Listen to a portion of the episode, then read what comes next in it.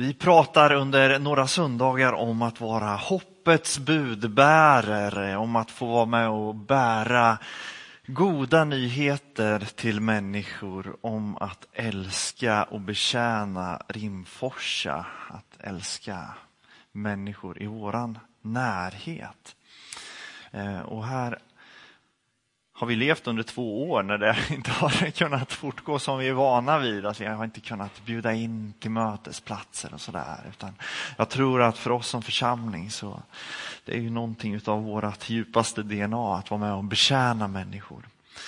Ehm, men hur gör man det? Hur är man budbärare för hopp i våran tid?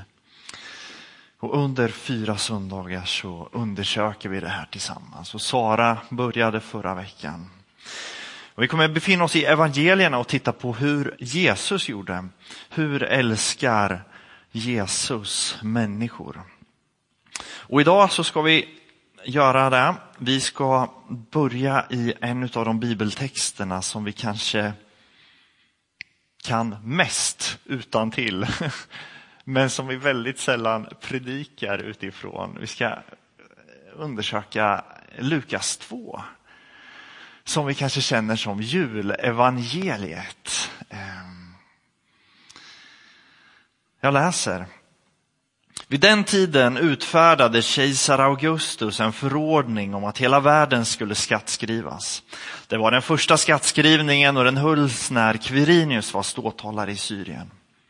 Alla gick då för att skattskriva sig, var och en till sin stad. Och Josef, som genom sin härkomst hörde till Davids hus, begav sig till Nasaret i Galileen, upp till Judeen, till Davids stad Betlehem, för att skattskriva sig tillsammans med Maria, sin trolovade, som väntade sitt barn.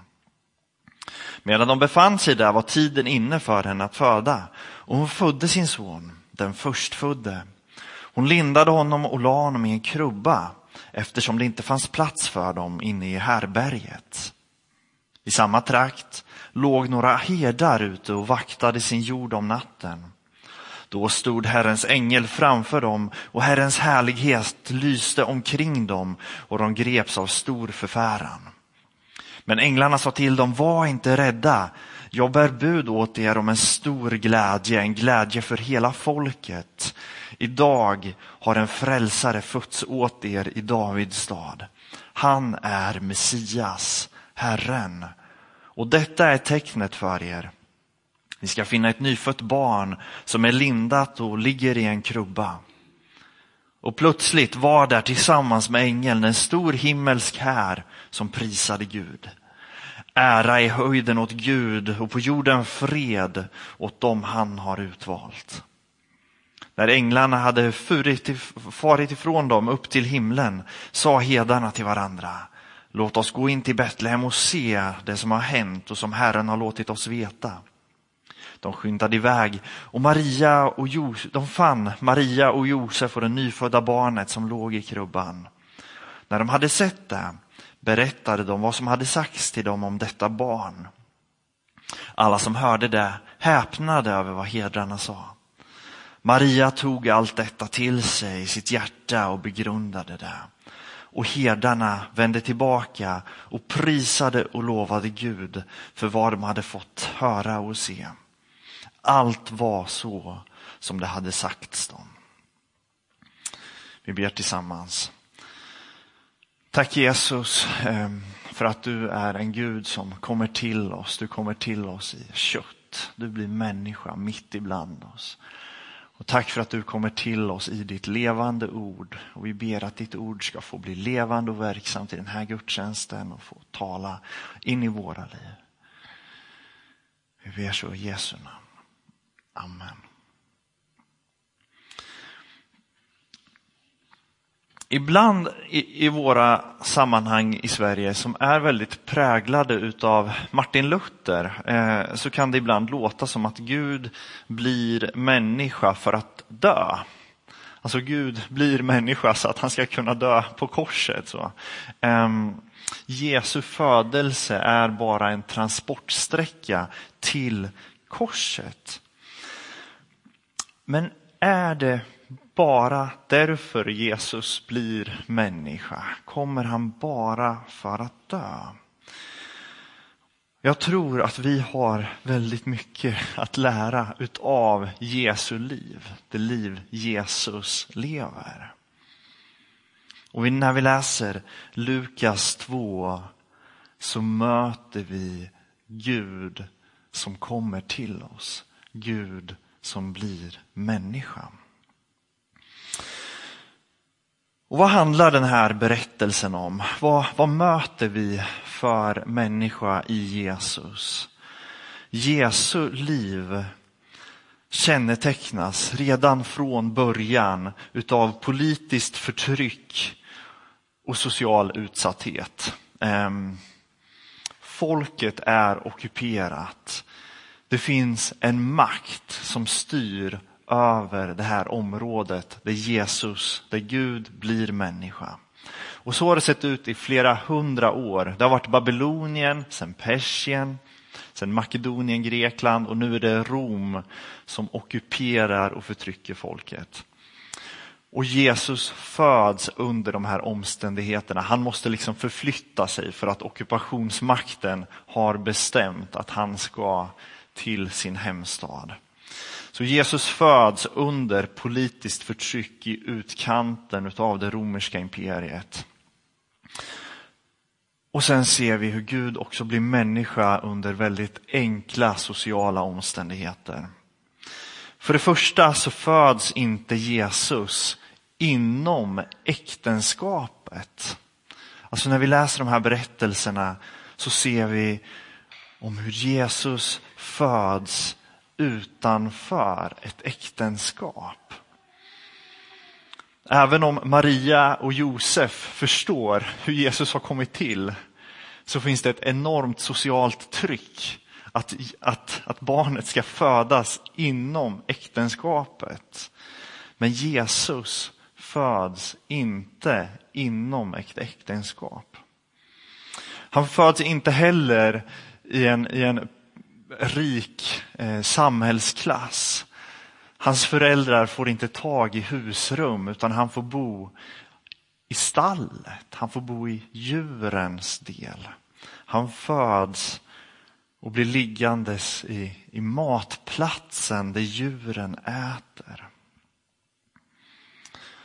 Gud blir människa i Jesus. En utmanande berättelse. Han kommer för att bringa den fred som jorden inte känner. Och han blir det under politiskt förtryck och social utsatthet. Man kan fundera på vad man har för bild av att vara en sann människa. Ehm, jag kan uppleva att, att, att det är lätt att, att få en uppfattning av att vara en människa. Det är att man ska liksom må bra, man ska ta några löprunder i veckan och så ska man äta nyttig varierad kost och så ska man ta kvällspromenader i sol eller i, i där, på, på skogsstigen på kvällen kanske. Um, då är man mänsklig, då är man en människa. Um, men när Jesus blir människa så blir han inkarnerad i det enkla, jordnära, vardagliga livet. Och så fortsätter vi att läsa ifrån Matteus kapitel 2. Matteus evangeliet kapitel 2. Det står det så här.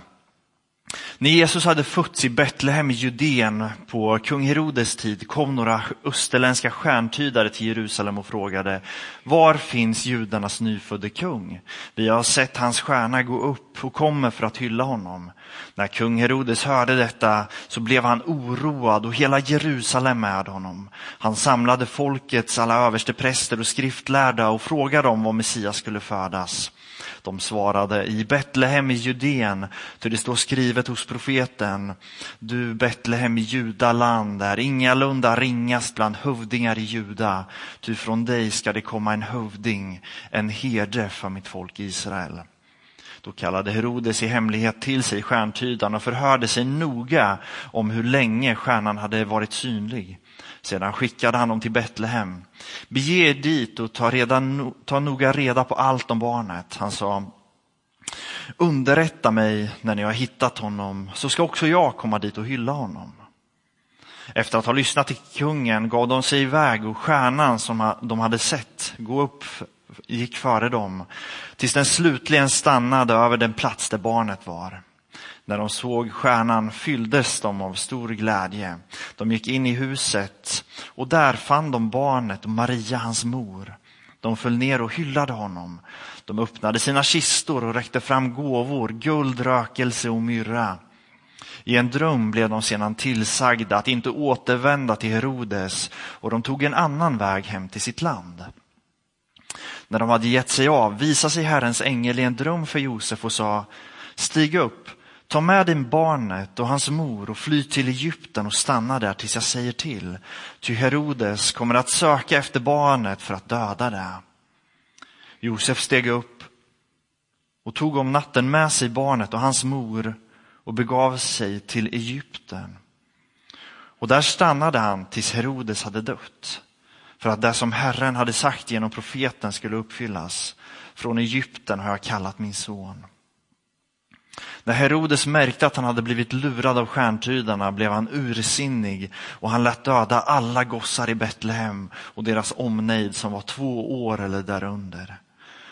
Det var den tid han hade fått fram genom att fråga ut stjärntydarna. Då uppfylldes det som hade sagts genom profeten Jeremia. Rop hörs i Rama, gråt och kla, äh, högljudd klagan. Rakel begråter sina barn, hon låter sig inte tröstas, ty de finns inte mer. Så vad händer? Jesus föds ehm, och istället för att bli upphöjd i palatset som Messias så förföljer palatset Messias. Jesus blir en flykting redan som spädbarn. Jesus blir, Gud blir människa i Jesus och han tvingas leva som flykting. Hur älskar vi Rimforsa? Hur gör vi?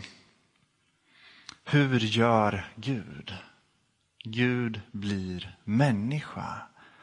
Gud blir mänsklig. Jag vet inte hur du hade räddat världen om du hade varit Gud. Jag tror att man, man lätt kan tänka att man ska gripa in och så ska man komma och diktera och bestämma och peka på det som är fel.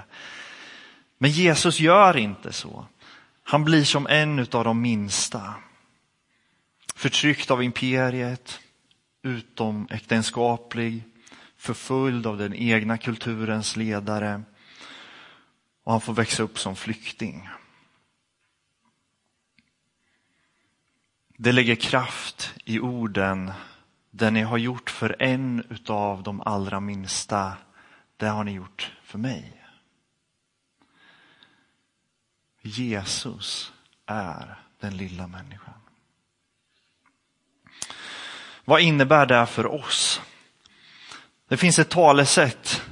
Gör som Gud, bli människa. Gör som Gud, bli människa. Vad menar vi med det? Bli människa. Jag tror att det finns en lockelse för kristna i alla tider att förandliga tillvaron. Att vi tappar bort de djupaste mänskliga delarna av att vara människa. Jag tror att kristna längtar efter att se människor komma till tro. Vi längtar efter tecken och under. Eh, vi längtar efter att få se Guds storhet. Och det tror jag att vi gör rätt i. Men jag tror att när Gud griper in i världen så gör han inte det framför allt genom det storslagna och mäktiga utan det som är obehagligt mänskligt. Det är inte kristet att gömma sig bakom överandlighet. Redan tidigt i den kristna traditionen så, så utvecklas en, en, en blandning av judisk tro och grekisk eh, tro som kallas gnosticismen. Och där undervisade man om att Gud, när han blir människa så blir han aldrig riktigt människa utan Jesus är fortfarande en ande som är liksom någonting annat än att vara människa. Man klarade helt enkelt inte av idén om en Gud som blir människa. Det blir för påtagligt. Och Den här idén avfärdas av kyrkan tidigt eh, för att det är så centralt att Gud blir kött och blod. Gör som Gud, bli människa. Den bibliska berättelsen handlar om hur Gud skapar människan, men hur människan vänder sig bort ifrån att vara den människa som Gud har skapat henne till att vara. Och så ser vi nästan direkt efter att Gud har skapat människan, hur Kain dödar sin bror Abel utav girighet och hur Abraham räddar sig själv genom att säga att hans fru är hans syster och hur Jakob lurar sin far Isak och vi ser liksom hur, hur mänskligheten inte är det Gud hade avsatt människan till att vara. Men när Gud blir människa så lär han oss vad livet handlar om. Han lär oss vad kärlek är och hur vi älskar Rimforsa. Han lär oss att bli människor. Han lär oss att inkarneras, att hamna, att landa i ett lokalt sammanhang och relatera till människors basala omständigheter. Paulus skriver om det här i Filipperbrevet 2. Han skriver så här. Om det alltså finns tröst genom Kristus, uppmuntran från kärleken och gemenskap från anden, om det finns umhet och medkänsla, gör då min glädje fullkomlig genom att visa enhet. Lev i samma kärlek, eniga i tanke och sinnelag, fria från självhävdelse och fåfänga. Var ödmjuka och sätt andra högre än er själva. Tänk inte bara på ert eget bästa utan också på andras. Låt det sinnelag råda hos er som också fanns hos Kristus Jesus. Han ägde Guds gestalt men vakade inte över sin jämlikhet med Gud utan avstod ifrån allt och antog en tjänares gestalt när han blev som en av oss. När han till det yttre hade blivit människa gjorde han sig ödmjuk och var lydig ända till döden, döden på ett kors. Därför har Gud upphöjt honom över allt annat och gett honom det namn som står över alla andra namn. För att alla knän ska böjas för Jesu namn i himlen, på jorden och under jorden och alla tungor bekänna att Jesus Kristus är Herre, Gud, Fadern till ära. Gud har gripit in i världen och låtit oss lära känna kärleken och vi har fått uppleva hur anden uppfyller oss med liv. Så säger Paulus, lev då som Jesus. Var ödmjuka och sätt andra högre än er själva. Varför? Jo, för att han ägde Guds gestalt men vakade inte över sin jämlikhet med Gud utan avstod från allt och antog en tjänares gestalt när han blev som en av oss. Jag tror att en, ett av de absolut största kristna mysterierna är hur Gud kunde förmå sig att lämna himlen. Vi tänker ofta att det stora är att Gud låter sig dö på korset. Att Gud dör är, är stort. Men jag tänker att Gud lämnar himlen. Tanken om att Gud lämnar en tillvaro där han har allting för att bli del av en tillvaro där han, han blir sjuk, han blir förföljd, han blir hungrig, han blir utsatt. Jag tänker att, att den händelsen är lika stor som korshändelsen. Alltså Gud avstår ifrån allt för att bli en människa. Det är utmanande. Det utmanar oss. Gud hade allt men avstår för att bli som en av oss. En som måste leva under förtryck, som måste fly.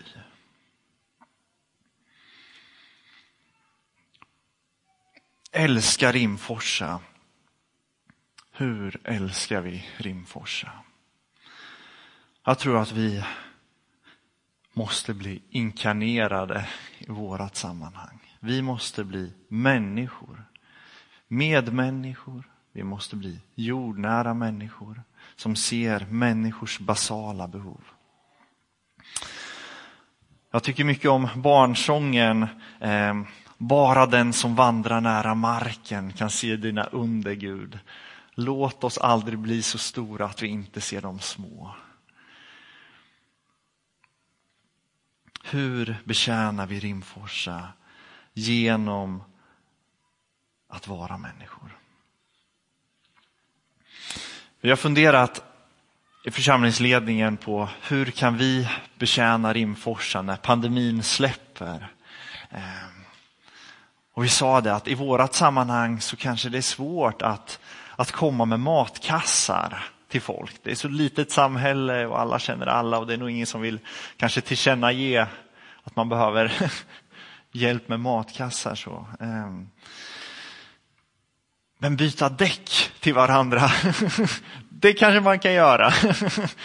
Därför kommer vi ha en däckbytardag. Ehm, det är inte en livsavgörande insats, men det är någonting. eh, eh, som alla står inför. Eh, sommardäcken ska på och vinterdäcken ska av. Eh, ett enkelt uttryck för att älska människor i våran, vårat sammanhang. Och sen på bara några dagar så har det uppstått en situation där människor är på flykt. Ehm, och på väldigt kort varsel så kommer människor komma till Rimforsa. Ehm, och det här tänker jag är en ännu djupare kallelse än att byta däck. Ehm, alltså att vara medmänniska till de som kommer. Det är krig i Ukraina och människor kommer komma hit. Ehm, och jag tror att det som behövs är inte i första hand psykologer och terapeuter, utan människor. Människor som ser och, och, och möter upp. Ehm, och jag tror att det vi behöver göra är att göra som Gud, bli människor.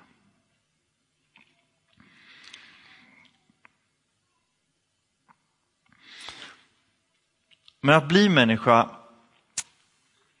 jag lyssnade i veckan här på, på en, ett, en, ett reportage kan man säga om, om en eh, evangelisationsrörelse på, på 90-talet. Ehm, Filippus eh, missionen eller vad, vad den kallades, där de sände ut massa unga, unga människor. Eh, där det blev väldigt kravfyllt eh, och han spelar mycket på, på människors samvete och så. Jag tror att det är viktigt att understryka att när Gud blir människa så innebär det också vissa ramar för Jesu tjänst. En väldigt svår tanke i Bibeln är att Jesus inte betjänar alla människor. Vid ett tillfälle så kommer en kvinna till Jesus som har en besatt dotter. Och så ber hon Jesus att, att bota dottern. Och så säger Jesus någonting som är väldigt svårt att ta in i Matteus 15 och 24. Jag har inte blivit sänd till andra än de förlorade fåren av Israels folk. Jättesvårt att ta in det. Så vad är det Jesus säger? Ska han inte bota den här besatte dottern? Jag tror att det Jesus säger är att jag har blivit människa med allt vad det innebär utav ramar, ehm, förmågor. Jag förmår inte att vara allt för alla, utan jag är sänd till Israels folk. Och Jag tror att det är en viktig lärdom att vi som människor också måste se våra ramar av att vara människor. Det innebär inte att vi kan vara allt det som vi önskar att vi var. Inte ens för människor som är i så yttersta nödsituationer. Jesus säger, jag har inte blivit sänd till andra än de förlorade folken. Eller en, en, en förlorade fåren av Israels folk. Jesus blir människa och att vara människa har också vissa ramar.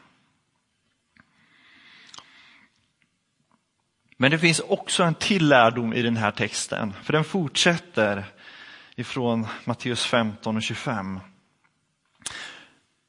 Men hon kom och föll ner för honom och sa, Herre, ta bort, Herre hjälp mig. Han svarade, det är inte rätt att ta brödet från barnen och kasta det åt hundarna. Nej, Herre, sa hon.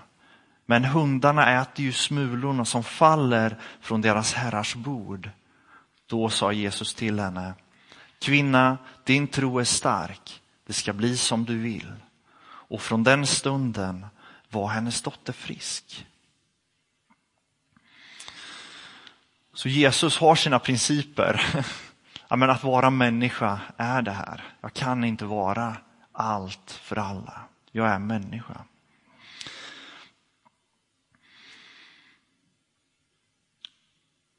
Men Jesus kan också bli berörd.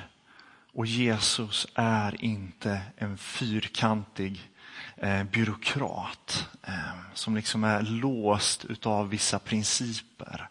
Utan Jesus har vissa principer som man ändå kan frångå.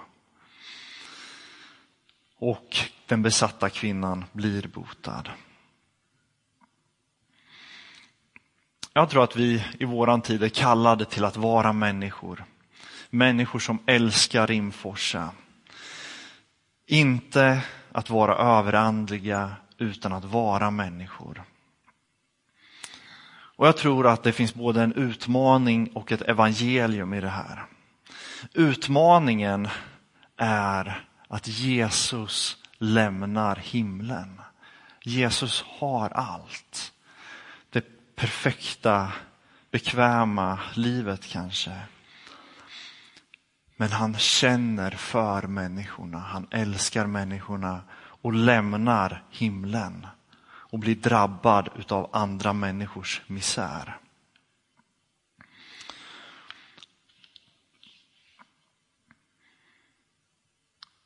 Vilken himmel befinner jag mig i?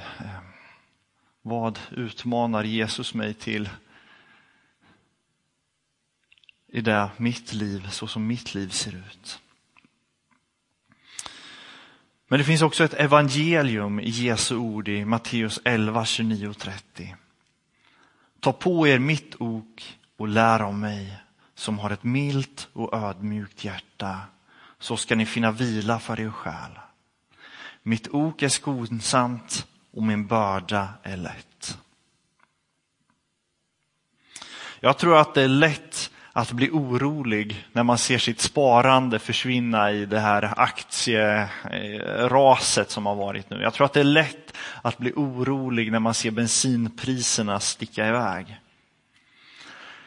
Men Jesus kallar oss till att finna vila i hans spår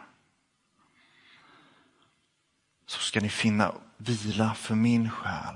Mitt ok är skonsamt och min börda är lätt. I eftermiddag så kommer människor som Jesus älskar till Rimforsa. Ehm, vad säger Jesus till oss? Att vara människor. Ehm, med ramar, men, men också med en öppenhet för att låta sig bli drabbad och möta människor, se människor. Jesus säger i Johannes 14, 1-2. Känn ingen oro. Tro på Gud och tro på mig. I min faders hus finns många rum.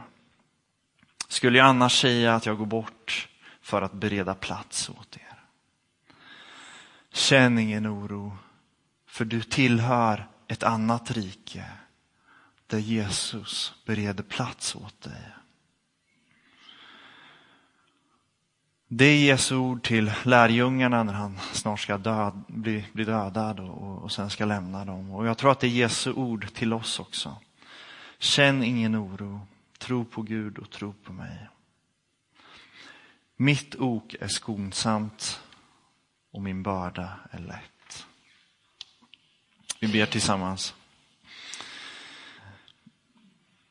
Ehm, Jesus, ehm, du ser all, all misär i våran, våran värld, Herre. Eh, du ser människor i, i Rimforsa som lever eh, hopplösa liv, Jesus. Människor som eh, söker efter någonting mer, Herre. Eh, och Jesus, jag ber att vi inte ska bli för stora, Herre, för att se människor. Jag ber att vi ska få vara människor som, som sträcker oss ut och som möter människor. Och jag ber att vi ska få vara med om samma under som när du blir människa, att vi ska få bli människor som, som lever som människor, som ser människor och som finns för andra människor. Jag ber att du ska få hjälpa oss att sätta gränser, de som är rätt gränser för oss i att vad det innebär att vara människa. Hjälp oss att se när vi ska överträda de gränserna, Jesus. Vi ber om det. Vi ber att vi ska få vara dina händer och fötter, älska människor så som du älskar människor. Vi ber så i Jesu namn. Amen.